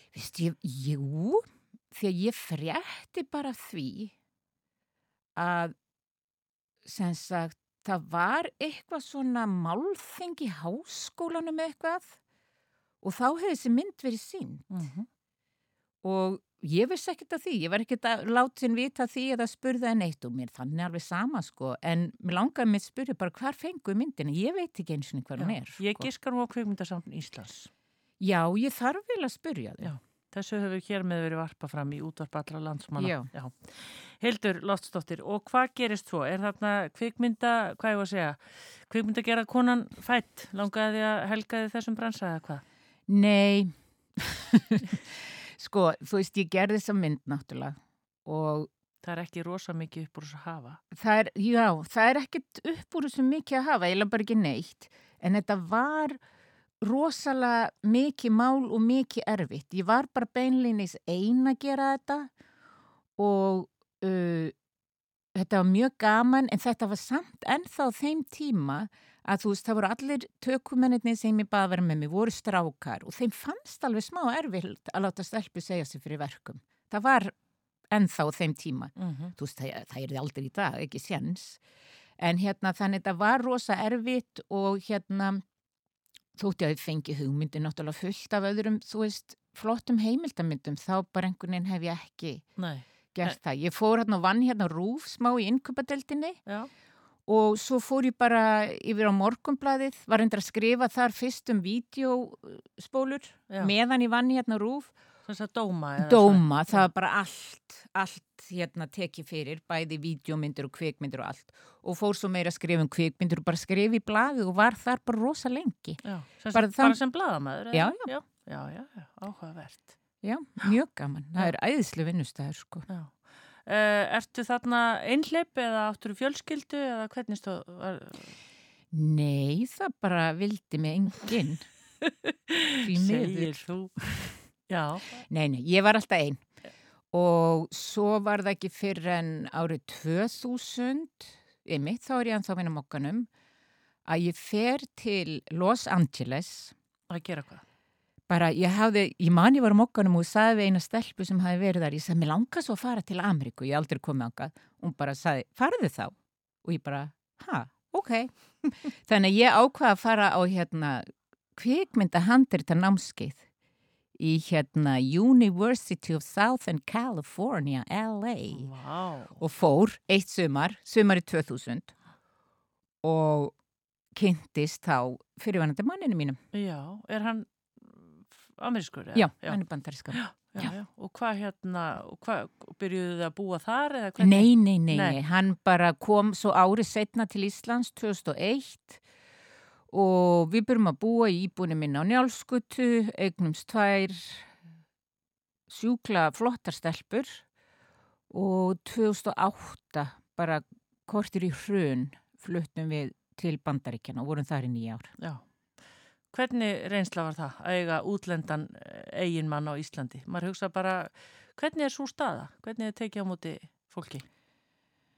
Sko þetta er árið 2000 og þá einhvern veginn hjælt maður bara að þetta væri ekkert mál en það var samt alveg mál og svona með útlendingastofnun og svona en þau voru samt miklu, miklu slakari heldur en eru nokkuð tíman í dag sko. Já, Þú veist, hann hefði ekkert átt að komin í landið nema, þú veist, að vera búin að fá eitthvað og einhverja vinnu eða eitthvað eitthvað og þau voru alltaf að segja við bara, heyrðu, þetta gengur ekki og voru alltaf að hóta honum að senda hann úr landið, þú veist, bara til að geta komið afturinn, en þeir gerðu það aldrei. Ég held í dag þó bara eru það gert, það er bara öllum reglum nákvæmlega fyllt, já, eins og við höfum orðið vör við. En þetta var léttara þá. já. Fór hann að starfa í kvipndabransannu hér eða? Nei, nei, hann er ekkert í því. Hann var meira bara svona uh, hérna að skrifa. Hann er sem sagt mentaður uh, ennskukennir háskóla, nei, mentaskólakennari í ennsku. Já, Og hann kom át á námskeið bara til að læra að skrifa eitthvað, sko. já, já. En hvað, vissu þið að hrunni var að koma þegar þið ákvaða að flytja út eða hvað? Nei, guðmi góður. Ég man, ég fór að nú hitt íslenska vinkunum mér í New York, þú veist, bara 7. oktober eitthvað og við bara, hvað er að gerast? Já, var gengið þá að byrjað að, Já, pú, orðið bara kaffibóllin eða, Já, þetta var rosalegt sko. Og ég fór, sko, alveg smá ástæðan fyrir því að fórum út. Þetta vildu bara, þú veist, stelpunir okkur voru þá orðna tveggja og fimm ára og mér finnst alveg sjálfsagt að það er fengi að vera amerískar líka, sko, og kynast heimenningar heimi og ætlunin var bara að vera í svona fjögur, fimm ár sem urðu nýju eins og það nú stundum er. og hvað, hvert fóruð þið? Við fórum til New Jersey það sem að, og bara byggum í húsinu sem foreldrar hann segja heim í, þetta er svona tveggja fjölskyldna hús eins og þið segja. Þannig að við vorum á hérna fyrstuhæðinni þar sem að hann hafi alist við að ammas og afi byggu og svo voru sem sagt foreldrar hans á tveimur öfri hæðunum. Já, já, þetta er svo líka, það er bara svo öll hús í Ameríku svo stór, Já, það er pláss fyrir alla. Þetta er bara eðislegt Já. sko, mjög gaman. En svo situr það með vinkonuðinni og það er bara hvað er að gerast Já. og einhvern veginn sögðu samt ekki það hlýtur að vera að koma hrun. Nei, en ég líka hef ekki það mikið vita pólitík og svona, en þetta voru tvær stelpur sem ég var með þarna sem eru mjög svona pólitísk klárar og ég var svona hálfgerðu söður, skildi ekkit hvað verið í gangi, en þær voru svona aðeins með þetta meira á hreinu. Mm. En þú veist, ég, alveg hluti af því að ég fór út líka, það var einhvern veginn, tókst mér ekki og mínu manni að ná í neitt af þessu góðæri. Þú veist, það var bara einhvern veginn, það voru allir einhvern veginn leið svo vel og átt svo mikla peningvaka og þú veist, ég átti eiginlega ekki matinn og ég, ég þóldi það ekki, ég bara skammaðis Nei, sko. Mér langaði bara fara, mér langaði ekki vera með í þessu lengur. Nei, Ertu þarna á, á blaðinu? Já, Þarna er í blaðamaður. bla, á blaðinu Og og haft. í námi og með tvö börn og bara, þú veist, bónuspokana upp á fjórðu hæð og þetta var bara, Já. þetta var bara mikið. Ykkur langaði bara að breyta til. Þetta var bara smáflótti. Já, einmitt. En hvernig reyndust þessi ár úti? Þau reyndust bara mjög skemmtileg, sko. Ekki, ekkit skrítið að flytja inn til tengdafóreldrana? Nei, nei, nei, nei, alls ekki. Alls ekki. Þau eru bara, þau eru algjöri snillingar. Og það er einhver svona stemming í bandaríkjunum, þú veist, það er bara, bara þessi fjölskyldu stemming. Þú bara stendur með þínu fólki og ekkert kæftaði og þú veist ekki að krítisera fólk að óþörfuða neitt. Nei. Þú veist, þetta er bara svona klan, sko, sem stendur saman og bara gott við hvort annað og ég bara fíla innan fíling, sko.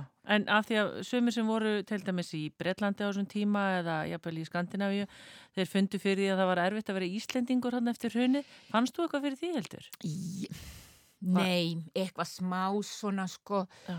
ég man að vinkonu mínar kom að heimsækja mig og við fórum einhvern franskan veitingastað og þá sitt einhver hollendingar á næsta borði og þeir eru bara, já, hvaða tungumál er þið að tala? Og við bara íslensku og þá var bara að byrja að hraun yfir okkur og við bara, þú veist, Var það æsef? já, við bara, þú snýrum okkur við og heldum áfram að tala, þú veist, við tökum ekki þátt í þessu. Nei, einmitt.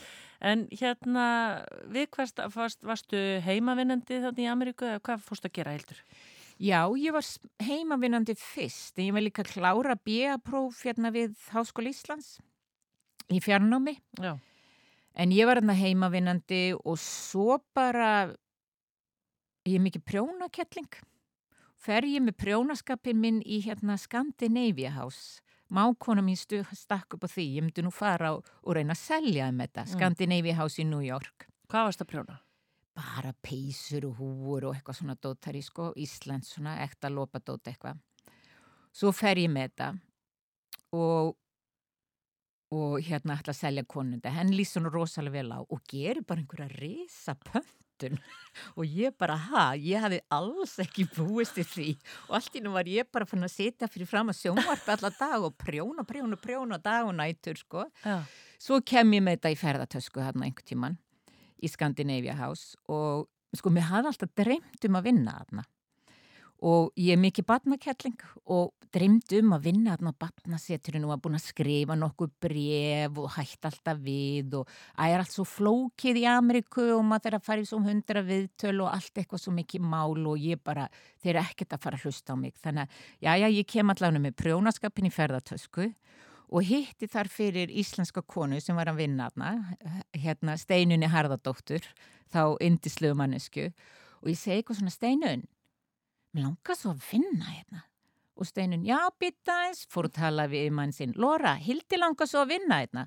Og Lóra bara, ha, ok, byttu ég ætla að tala hérna við Viktori e, e, Viktori, Hildi langar svo að vinna hérna, hún bara, já, þarna laust í batnadildinni, langar það kannski að vinna þar? Ég bara, ég trúi þess ekki, já. Þannig að ég var bara að byrjuð þar, nokkrum dögum setna. Já, heitir þetta ekki að síkrita hlutina? Jú, kannski. Já. Þannig að það virka greinlega. En fyrir það sem þekk ekki þetta hús, Scandinavian House, er Mhm. þetta, og hvað er þetta nákvæmlega, segiru? Þetta er á Park Avenue, milli 30. og 7. og 38. stræti á Manhattan. Og þetta er mjög flott hús, þetta er, eh, þetta er gömul stopnun, ég man ekki þetta var stopnað. Mm. Og er þetta, sem, sagt, er, er þetta svona eins og norræna húsi hér? Já, þetta er svona, þetta er svona menningarstopnun. Bæði þetta byrjaði held ég alla á svona, þú veist, það voru svona skipti, nefndaskipti á milli landa og eitthvað, eða þú veist, bandaríki, bandaríski nefndur voru að fara til Skandinavi og öfugt, sko. Svo þróast það meira út í svona menningastarfsemi og þetta er mjög flott hús þarna, flott skona búð á neðstu hæðinni með æðisleiri skandinaviskri hönnun, geggjaði restaurant sko, svo, voru, svo var sapn á annari hæðin og síningasalir kom oft mjög flotta síningar e, hvað var á þriði hæðinni? Var ég á þriði hæðinni? Mm. E, Batnasetrið og e, líka og hluta því var sem sagt við vorum í The Haldur Laxness Library það var mín skrifstofa sko Já, og þar var hérna sem sagt, eh, já, bókasapn og þar voru við líka með svona listvinnustofur fyrir krakkana og mm. alls konar skemmtilegt sprell, ég var með prjónaklub og prjóna námskeið og, og alls konar skemmtilegt sko. En var þetta þá fyrir skandinavísk voru skandinavar búsettir þarna sem komu eða hvernig? Nei, eiginlega ekki Nei. Þetta var nú held ég svolítið hugsa þannig en líka kynna svona þú veist skandinaviska menningu fyrir sko bandarískum börnum já, já. það voru hérna bækur og hönnun og allt svona úthugsa frá einhverjum mjög svona flottum uh, þú veist kennslu fræðilegum sálfræðilegum kenningum eitthvað mm. og þetta leifa barnin að fykta sig áfram bara að fá að vera í friði þurfi ekki alltaf að hafa þú veist fóraldin einhvern að segja svo nátt að gera þetta, prófa nú að gera hitt bara að fá að vera frjálst mm -hmm. En þannig var þetta sett upp en það var voða erfitt fyrir Amerikanana að bara leifa börnunum sínum að hugsa sjálfsætt. Sko. Um. Það var alltaf bara do this, do that, nei, nei, nei sem að ég alveg bara uh, þóld ekki. Nei. En þetta var mjög skemmtilegt og þeir sem komu aðna, þetta var svona mjög mikið svona nannies með sko börn, oft svona mjög ríkra og menningarlega meðvitara foreldra. Já. Þannig að þetta var alveg svona upper klass börn af þannig svona frekar ríkum fjölskyldum sem komu. En ég meina, þetta, þetta var einn af þessum frábæru skólum sem ég farið í. Ekki voru, heldur voru þess að nennist, þú veist, frá allstarað í heiminum.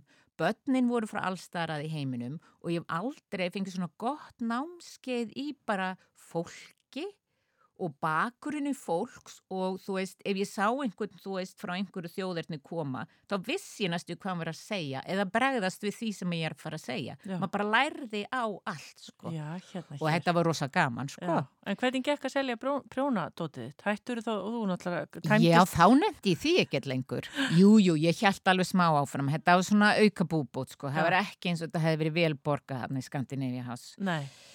Þannig að það var auka búbót og ég held alveg áfram og það gekk bara mjög vel sko. Fólk var sko, þetta, þetta er mjög gaman að hérna e, það var sem sagt einhver svona dagur sko sem að það stað selja þú veist og listamennir átti að vera á staðunum sko í búðinni og ég var aðna og svo var einhverjum átt að peysa eftir mig og ég bara já, ég prjóna þessa peysu. Og þau bara já fólk trúir ekki að Nei. það sé hægt að taka prjóna og gatn og búa til eitthvað fallegt. Þú veist það bara að það skilur þetta ekki. Nei. og ok, þá bara trúir því ekki. Nei, en ég ger þetta samt. Já, frábært. En hérna, þannig að er kannski enþá til eitthvað í Scandinavian House í, í New York eftir Hildi Lafstóttur kannski einn húa eða eitthvað? Í örugla peysutnar því að sko þær voru mjög vinsælar en hún var líka seljar á bara 70 skall sko. Já. En já, já, það er ríkt fólk sem hefur alveg efnaði og sérstaklega ef það veit það er bara handmade by an Icelander þá er þetta náttúrulega gæðveikt töf sko. En hvernig er svona að vera, hvað ég var að segja uh, útífinandi? Þú veit, hann ertu með, eru þið með tvær stelpur og það er reyndala bara í skólanum og svona uh, Er hérna, gekk þetta allt saman upp? Já Langi dagar eða hvað? Þetta voru mjög langi dagar að því að fyrst ég var nú komin, þú veist það tók mig einn og halvan klukkutíma að fara í vinnuna og þá þurfti ég að ganga, svo þurfti ég að taka lest sem þurfti ég að leta standi, svo þurfti ég að ganga, svo þurfti ég að taka aðra lest og svo þurfti ég að ganga. Mjög góð hreyfing og stundu tvo klukktíma að leiðin tilbaka því að fyrst ég var að fara inn í borgin og annar borð þá nefndi ég ekki að eiga bara, þú veist, nokkra klukktíma vinnudag. Þá tók ég bara, ég var líka að kenna íslensku, ég var með íslensku námskeið Þannig að oft fór ég bara klokkan 8 á mótnan og kom heim á meðnætti sko. Þannig að þeir dagar sem ég fór, sem voru svona 3-4 viku, þeir voru mjög langir. Já. Og ég haf búin að rekna það út að á í hverju mánuði þá um, fóru 48 klukkustundir í ferðalög. Uff, þetta er eitthvað sem við þekkjum ekki alveg hér. Nei, og svo þurfum maður kannski standa allan hennar tíma og ganga. Já, þú veist, það voru ekki sæti í lestunum, sko, ekki séns. Þannig að þú ert í svaka formi? Ég var það kannski þá en það var eitthvað smá breyst eftir ég fekk bílinn hérna heima á Íslandi. Við ætlum að taka Örstu Klíja núna, hún er gestur minn, hún Hildur Lofstóttir sem að er að segja okkur sína sögu, var að senda frá sér bók hérna, við ætlum að tala um hana á eftir, þannig að við tökum hérna Örstu Klíja og fáum nokkur auðlýsingar. Hildur Loftsdóttir er gestur minni sunnundasögum. Hildur, þú ert þarna í Scandinavian House í New York, uh, langir vinnudagar, minnstu kosti þrýra eða fjórir viku. Tæmtist eitthvað tankurinn eða hvað á þessu? Já. Það er ekki hægt að halda svona áfram endalist. Nei, þetta var, ég var sko orðin alveg rosalega, rosalega, rosalega lang þreytt. Já og kem til Íslands en þá er í rauninni sko, kem til Íslands 2017 flytt hérna pakka niður á tveimu mánuðum einhverju sko áns að fá frí vinnuleikur einhverjum nýju árum Já, bara og, þú eða? Já, maðurum minn er eitthvað eins minna virkur Já. en ég þannig að fyrirverandi maðurum minn fyrir ekki, ég gleym alltaf að segja það En voru þið þá búin að ákveða að skilja eða? Já, ég, við vorum bara búin að ákveða að skilja og en hann Indið sem hann nú er ákveða að koma með og býr hérna á Íslandi og bara er með stelpunar aðra hverju viku. Mm -hmm. En þetta hefur verið, og, og þannig að þú tóstir ekkit frí í vinnunni eða neitt og meðan þetta gekk yfir? Nei, nei, og... nei, nei, ég var alveg, þú veist, sem ég hefði að gera þetta var hræðilega illa borgað ekki skipt neinum hvort ég mæti vinnunni eða ekki, sko. Og þetta er 2017 þannig að þú má vilja segja að þið er bara svona tiltöla nýflutt heim aftur. Já, tvö ár, um tvö ár. En hvað hérna Uh, hefur ekkert geta breytt uh, minkað vinnuna eða uh... Nei, en jú, að ég veit það ekki. Þetta var illa borgað, við áttum ekki mikið pening og það var bara gaman. Það var gaman að fara til New York fyrst þegar ég byrja að vinna þar egnaðist ég eitthvað líf aðna. Sko því að þessi hérna, uh, þessi bær sem áttum heima í, Bayonne, New Jersey, er svona 80.000 manna bær og það er nákvæmlega ekkert að gerast þarna. Það er sko... Þar var, er, maður alltaf að fara til New York að... Já, í rauninni sko. Þetta er næstu... Nú, nú, nei, Jersey City er svona aðeins að byggjast upp og verða skemmtileg bær eða borg. En sko, þetta er bara, þú veist, þetta eru tveir heimar. Þú ert í New Jersey, þú ferð undir ána, kemur til New York og það er bara eins og sér komið til annars lands. Mm og ég man alltaf því að ég kom upp úr lestagöngunum og fann bara New York orkuna ég bara, hæ, elskan mín, ég elska New York og bara þessi alheims orka og eitthvað, það er eitthvað geggjað í gangi hérna, sko. Allt annað í Jersey, þetta er einhver bær svona, þú veist, þetta er bara svona verkamanna bær, það var ekkert að gerast þarna, þetta voru, þetta voru pizzastaðir og svona naglasnirti stofur, 99 cents búðir og kirkjur og það bara, ég man ekki til þess að nokk tíma auðlistir eina einustu tónleikar hann sko. En er það þá ekki þannig að mjög margir búa þarna en fara svo yfir til að Jú, Já. það eru mjög margir og þannig að þetta er á vissan hátt svona hálfgerið drauga bæir og þegar þú er í nálað við svona rosalega stóra og flotta borg eins og New York er þá er kannski ekkert mikið verið að leggja áherslu á þetta. Þannig að þetta er það sem kannski bara maður verið svolítið þreyttur á. Já, það var bara ekkert þarna sko, ég mani ég var einn svona keira fram hjá kirkjunni og mér síndist ykkur maður verið að taka út svona kontrabassa kassa úr svona aftan úr bíl. Og ég bara hei já, það verður glengur geðvikið jazztónleikar í kirkjunni, eitthvað geðvikt stöð svo bara, byrju hildur nefnir að muna hvað það að teima það er ekki sjans að sé eitthvað skemmtilt að fara að gerast þetta hérna. Þetta var örgulega líkista sem maður var að taka út. En að þú segir sko ferðarlegin heim, bara svo maður gerir sér grein fyrir því, segjum til dæmis að maður fór til New York eða uh, til þess að fara á tónleika eða út að borða eða eitthvað. Var þetta þá þó það langt að það var einhvern veginn líka oflókið eða hvað? Já, þannig að sko, uh, til dæmis var ég að vinna á lögadögum og þá komu stelpina mínar alltaf með mér og og maður minn fyrirværandu fórum við bara kom líka með og þá gerðum við okkur góðan dag og fórum út að borða og fórum í bíó og gerðum eitthvað stemtilegt notum ferðina. Já, og sama með mig, ég var ekkert að fara til New York nema dagana sem ég var að vinna þannig að það var alltaf bara eftir vinnuð eitthvað sem ég gerði með vinnu mínum. Já, ömmit já, en þið, þið, þið ákveðið að skilja skiptum, mm -hmm. hann kemur ákveðið samt að fara til Íslands mm -hmm. með ykkur. Hvernig var að koma heim? Það var æðislegt. Eitthvað bara, bara að fara í sund eða? Já, bara loftið og sundið og þú veist það er eitt þetta, þú veist bara þú veist, maður getur búið allskattar út í heimu og eins og í New Yorki séð þú þetta er suðupott, þetta er algjörlega stórkosli borgu og kynnist fólki allstar og heimu og alls konar þangagangi og viðhorfum og allt. En sko það er alltaf mjög þægilegt að vera komin heim og maður segir eitthvað og fólk bara skilur það.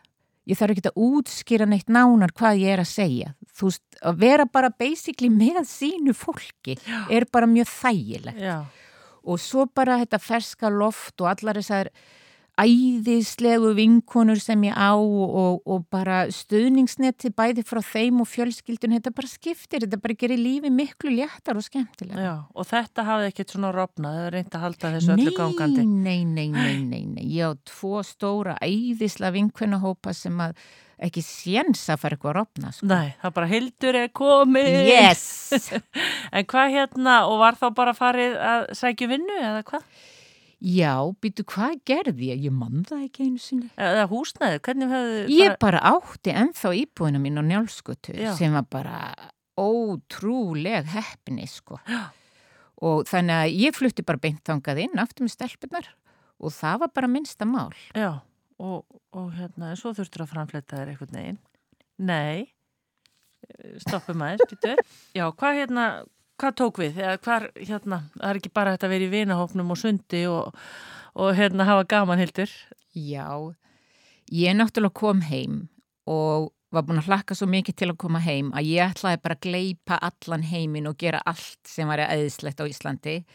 Þannig að ég, sem sagt, ég hafði unni á morgumblæðinu aftur tvö seinustu sumur, þannig ég fer þanga í einhverja afleysingar ég fór líka í nám, hagnýta menningar fræði minnum að heiti. Eða menningamidlun. Menningamidlun, alveg rétt. Já. Og sem var geggja skemmtilegt. Já, bæta við þarna 50 háskóla gráð. Já, já, um að gera. Já. Og svo fór ég líka að kenna sagt, íslensku í dósaverksmiðunni. Já, sem er hvað? Það er skóli fyrir, bara íslensku skóli fyrir uh, útlendinga. Innflytjöndur sem og aðra útlendinga. Já. Hvernig átti það við þig? Það er algjörlega eðislegt. Þá ástu með reynsluna náttúrulega að hafa kent Já. íslensku úti. Já. Það var algjörlega eðislegt og er ótrúlega gefandi og fallegt starf. Það er eitt að kenna sko íslensku í New York. Það sem að fólk er að koma því að Ísland er svo hipp og cool og það bara ætlar helst að fara hundra sinnum til Íslands það er svo æðislegt að læra tungumáli og allir vinni þeirra eiga að verða íslenskir. Það er allt annað að kenna fólki sem er kannski frá Afganistan og búið að þurfa að fara við fjall með fóbrotna ömmu sín á bakinu og er komið aðna því það virkilega, virkilega, virkilega þar þess. Og bara þetta fá að vera með öllu þessu fólki allstaðar að úr heiminum þú veist, fyrir ekki, ég er eiginlega fara að gráta þegar ég tala um þetta, þetta er bara eitthvað svo fallegt og að geta hjálpa því og sjá hvað þau eru þakklátt og hvað þau leggja mikið á sig, það kemur þarna fólk ára eftir og það getur eiginlega ekkert lært en það gefst ekki upp Nei. og svo eru aðri sem að læra þetta mjög auðveldlega mhm. -huh.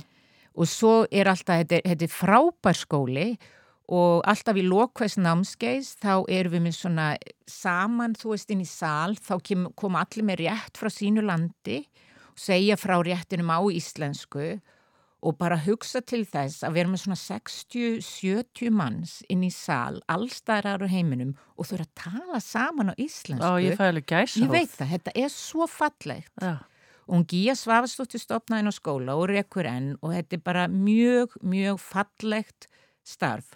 Og þetta er allt annað eins og í New York því að þú veist, þegar þú ert að kenna þessu fólki sem á mjög erfitt og kemur langt að þú, þú, þú ert ekki bara kennari, þú ert vinur þú ert sálfrængur, þú ert félagsfrængur ég var komin undir hjónabansaráðgjöf líku við sko, Já. þetta er bara allur pakkin Já, ömmit Síðan fyrir að vinna hjá Gæðhjálp Já. Og hvað, hérna, hvernig kom það til?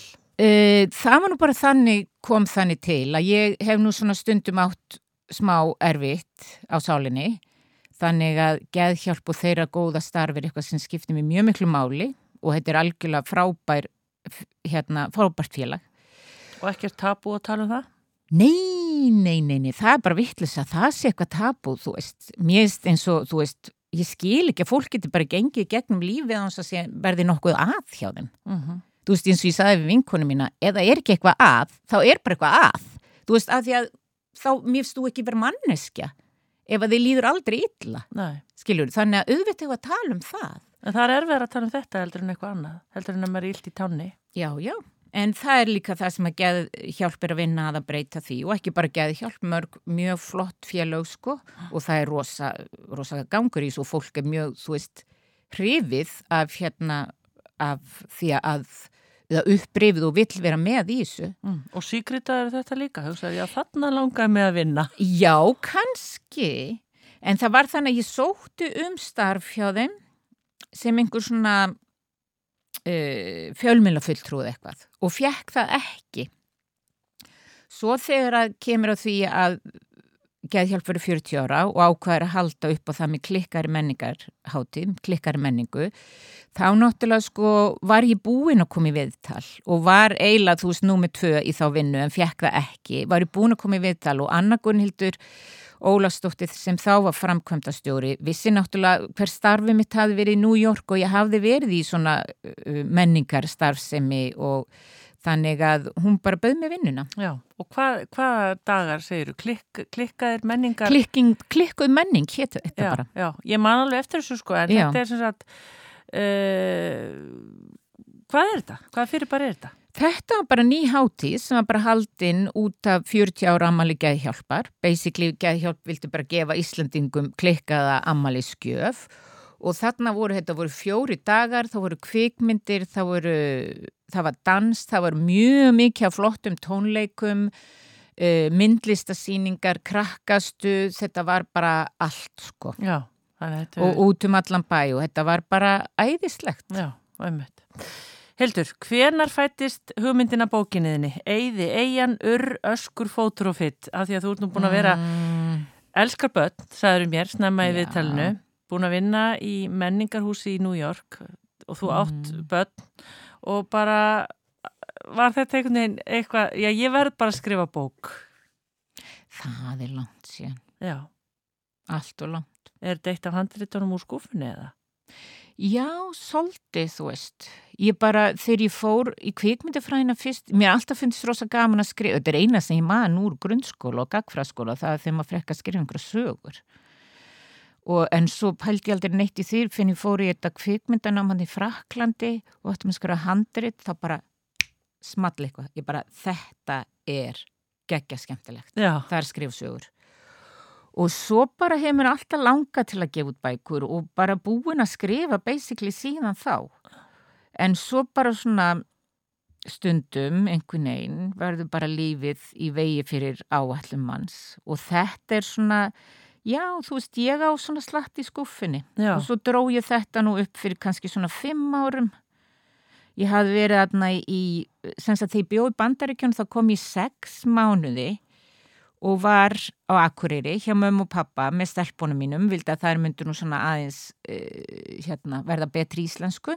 Þær fór í gamla skólan minn og ég fór í háskólan á Akureyri en eitt námi og var í kennslufræðum. Og þar tók ég eh, kurs meðlanis í læsi og tók þetta voða nærri mér allt saman eins og ég á til að Já. gera. já, og bara ok, Hildur, nú bara skrifa þú bók og bara leggur þitt að mörgum til þess að börn lesi og byrja að skrifa svo bók. Og ég læriði það meðal annars í svona kurs og batnabókakursi sem að Brynhildur Þórarins kendi mér að þú veist uh, það sem að börn vilja það er bara spenna uh, það er húmor og helst einhverjar sko típur úr nútímanum sem að þau geta tengt við. Já, og þannig að ég bara ákvað að skrifa þannig bók sem að væri bara skemmt, það skemmtileg að þau myndu klára hana en líka hafa samt, eh, þú veist, kjöt á beinunum. Já, og þarna, eh, ég hafði 2011 held ég alltaf með að alltaf langað að skrifa um pappa minn og hans æfi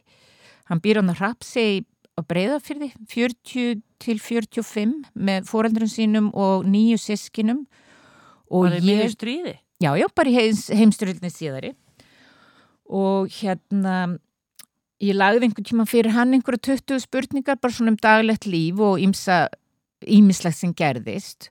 Og bara tróð því inn í þessa sögu ásamt, ég var líka í háskólanum í bókmentafræði og þá var því vola hrifna þjóðfræði og, og íslenskum þjóðsögum og svona og það, þannig ég tróð því líka hann inn í en hérna þannig að það svona Það er margt aðna og þetta er bara hressbók sko. Já, en hvernig en að koma þér í samband við einhvern útgefanda og svona, er það ekki það þá svolítið dra- Nei, nei. Nei?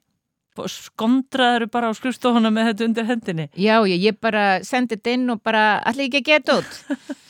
nei, nei, jú, jú, ég sendi þeim handritu og þau bara tók strax mjög vel í það. Hérna sögur, Já. Anna Margrét og Tómas á sögum. Já, og bara örstutt á söguna því mér er alltaf svo leiðilt að segja ómikið. Já. Um hvað er þetta?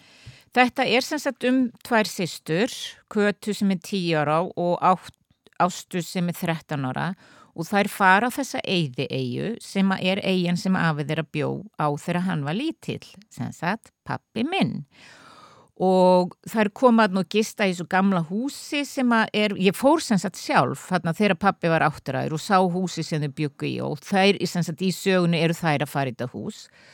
Og við hliðin á húsinu er stór hóll. Og þegar pappi var lítill þá ímynda hann sér semst að hann ætti vinkonu inn í þessum hóli. Og við kynnumst þeirri vinkonu í þessari bók líka. Já, já, gaman. Og ertu núna bara, að ég sé að þú ert svo ótrúlega brósmild og ánað, er indislegt að fara í skólana og lesa og fá alla spurningarnar og á þetta vel við þig? Mér finnst það bara æðislegt. ég var í vættaskóla í gær og ég las fyrir sjö bekki og þú veist, þegar ég var búinn, þá var ég svo búinn, þú veist, ég kom með hausverk af röttin í sjálfri mér og hún var líka farin og allt. Já. En þetta er svo gefandi og þau eru svo æðisleg og þú veist, ég hugsa þetta náttúrulega fyrst að fara í skólan, svona kynna bókina og láta vita mér eitthvað. En svo náttúrulega fatta ég það um leiður í komin hérna að sko auðvitað verð ég að vera í sambandi við mína lesendur. Þú veist, þú ert að skrifa fyrir fullorna, þú ert alltaf með fullorna fólki, en ég er að skrifa fyrir kannski 9-12 ára, auðvitað verð ég að þekka 9-12 ára börn. Mm. Þannig bara það að fá að kynnast þeim og vera með þeim og hei, sjá á hverju þau hafa áhuga og hvað þau spurja, það er bara algjörlega ómetalegt fyrir mig, sko. Já, og þau eru að lesa. Við erum auðvitað með áhyggjur af þessu, Já. en það er heilmiklu búið að breyta, núna bara undanfærin ár. Já, það er búið að gera átaki í svo málum og fólk náttúrulega er mjög meðvitað um þetta og það virðist, eða ég hefði á tilfinningun og fleira að það hafi borið árangur Já, og það virðist sem, já, að það séð svolítið svona endur koma bókarina meðan batna. Allan að allir sem að ég hérna er að lesa fyrir eru bara alveg ótrúlega áhuga samir. já. Heldur, hva, hvar sérðu þig? Ég veit að það er rosa erfitt að spyrja svona, en ég menna eigandi öll þessi handrit í skúfunni, erum við bara að fara, erum við að hérna horfa á nýjan hérna skáldsagna höfund hérna, Hildi Loftsdóttur á næstunni? Hverju lofar okkur með það? Mm, ég veit það ekki. Erfitt að segja. Jú, nei, nei, það er ekkert erfist að segja. Ég hef búin að lofa um, börnunum í skólanum að komi allan einu vikið tvær bækur í viðbót um þessar stelpur ástu og kötu og í rauninni eins og til dæmis þá þarf ég að byrja núna á næstu bók og að því ég er búin að skrifa svo mikið það á ég alveg aðra bók sem passar inn í þetta. Þannig að ég ætla bara að notfara með það í næstu bók annar heimur sem að þær fara að kíkja í sérstutnar. Mm. En svo náttúrulega er ekkert hlaupið að því að vera réttundur, þú veist, það, mann fær ekkert borga fyrir þetta og, og þú veist, maður er bara einstamóðir og hefur enga tíma og ég veit það ekki, en allavega mér langar það rosalega mikið. Já, emmitt. Og hérna glöð og kátt að vera komin til Íslands já, já, já, já, já, já, já. og allar að njóta aðvenduna, nærðu því með þessu öllu saman? Já, það held ég bara. Það er bara, þetta er náttúrulega sko bara að fara í skólan, er bara hluti af, af, af gleðinni í kringum þetta allt saman. Og já, ég njóta aðvendunar, já, já. Thanksgiving líka. Já. Gær var Thanksgiving og ég er ennþá hræðilega sött, sko. Já, Þannig að það er bara, já, þetta er æðslu tími. já, emmitt. Til hamingi með bókina Hildur Lofsdóttir, Eyði Eyjan, Urr, Öskur, Fótur og Fitt. Til hamingi með þetta allt saman og bara gangiði vel og takk fyrir að koma í sundasögur. Já, takk fyrir mig.